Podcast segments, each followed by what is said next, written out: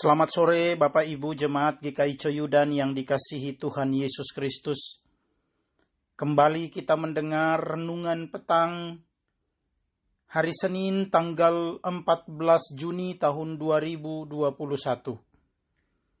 Dengan sukacita saya mengajak kita untuk merenungkan firman Tuhan yang saya ambil dari Alkitab Perjanjian Lama, yaitu kitab Yehezkiel pasal 31 ayat 10 sampai dengan ayat 11.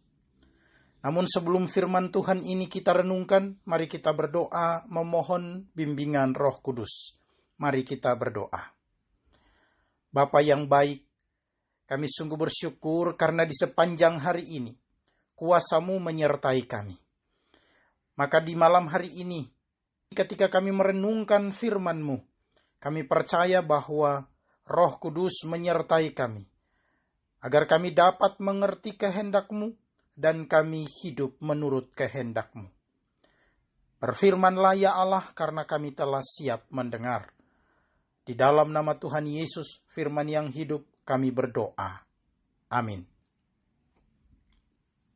Yehezkiel pasal 31 ayat 10 sampai dengan ayat 11 firman Tuhan berbunyi, Oleh sebab itu beginilah firman Tuhan Allah oleh karena ia tumbuh tinggi dan puncaknya menjulang sampai ke langit, dan ia menjadi sombong karena ketinggiannya, maka aku telah menyerahkan dia ke dalam tangan seorang perkuasa di antara bangsa-bangsa, supaya ia memperlakukannya selaras dengan kejahatannya.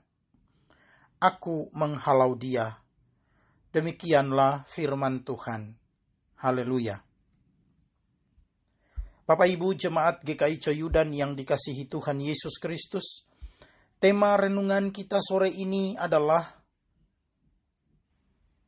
Tuhan menghalau orang yang sombong. Bagi orang percaya, Tuhan harus menjadi fondasi dalam seluruh area kehidupan kita baik dalam pembangunan rumah tangga maupun karir dan pelayanan. Tanpa Tuhan, segala yang kita capai akan berakhir dengan sia-sia. Kerendahan hati sesungguhnya adalah sifat bijak dalam diri seseorang yang membuat ia dapat bersyukur kepada Tuhan, serta dapat memposisikan dirinya sama dengan orang lain tidak merasa lebih pintar, tidak merasa lebih baik, tidak merasa lebih hebat, dan dapat menghargai orang lain dengan tulus. Inilah sifat yang harus kita pelajari dan kita miliki agar kita bisa hidup dalam rancangan Tuhan. Dalam bacaan kita hari ini, bangsa Mesir digambarkan sebagai sebatang pohon yang tinggi dan puncaknya menjulang sampai ke langit. Namun karena kesombongannya di hadapan Allah, ia merasa lebih pandai dan lebih kuat dari bangsa mana pun, bahkan menandingi kuasa Tuhan. Maka di dalam kesombongannya itu, Allah menghalau bangsa Mesir dan menyerahkan dia ke dalam tangan bangsa-bangsa lain, supaya ia memperlakukannya selaras dengan kejahatannya. Bapak Ibu yang saya kasihi, mari kita belajar dari firman Tuhan malam hari ini.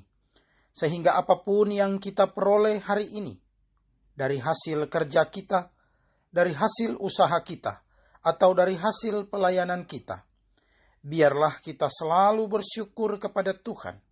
Biarlah kita selalu menyadari bahwa semua yang kita peroleh hari ini merupakan anugerah Tuhan bagi kita dan semuanya itu hanya untuk kemuliaan nama Tuhan. Kiranya Tuhan memberkati kita semua. Amin. Mari kita berdoa. Terima kasih ya Allah atas anugerahmu.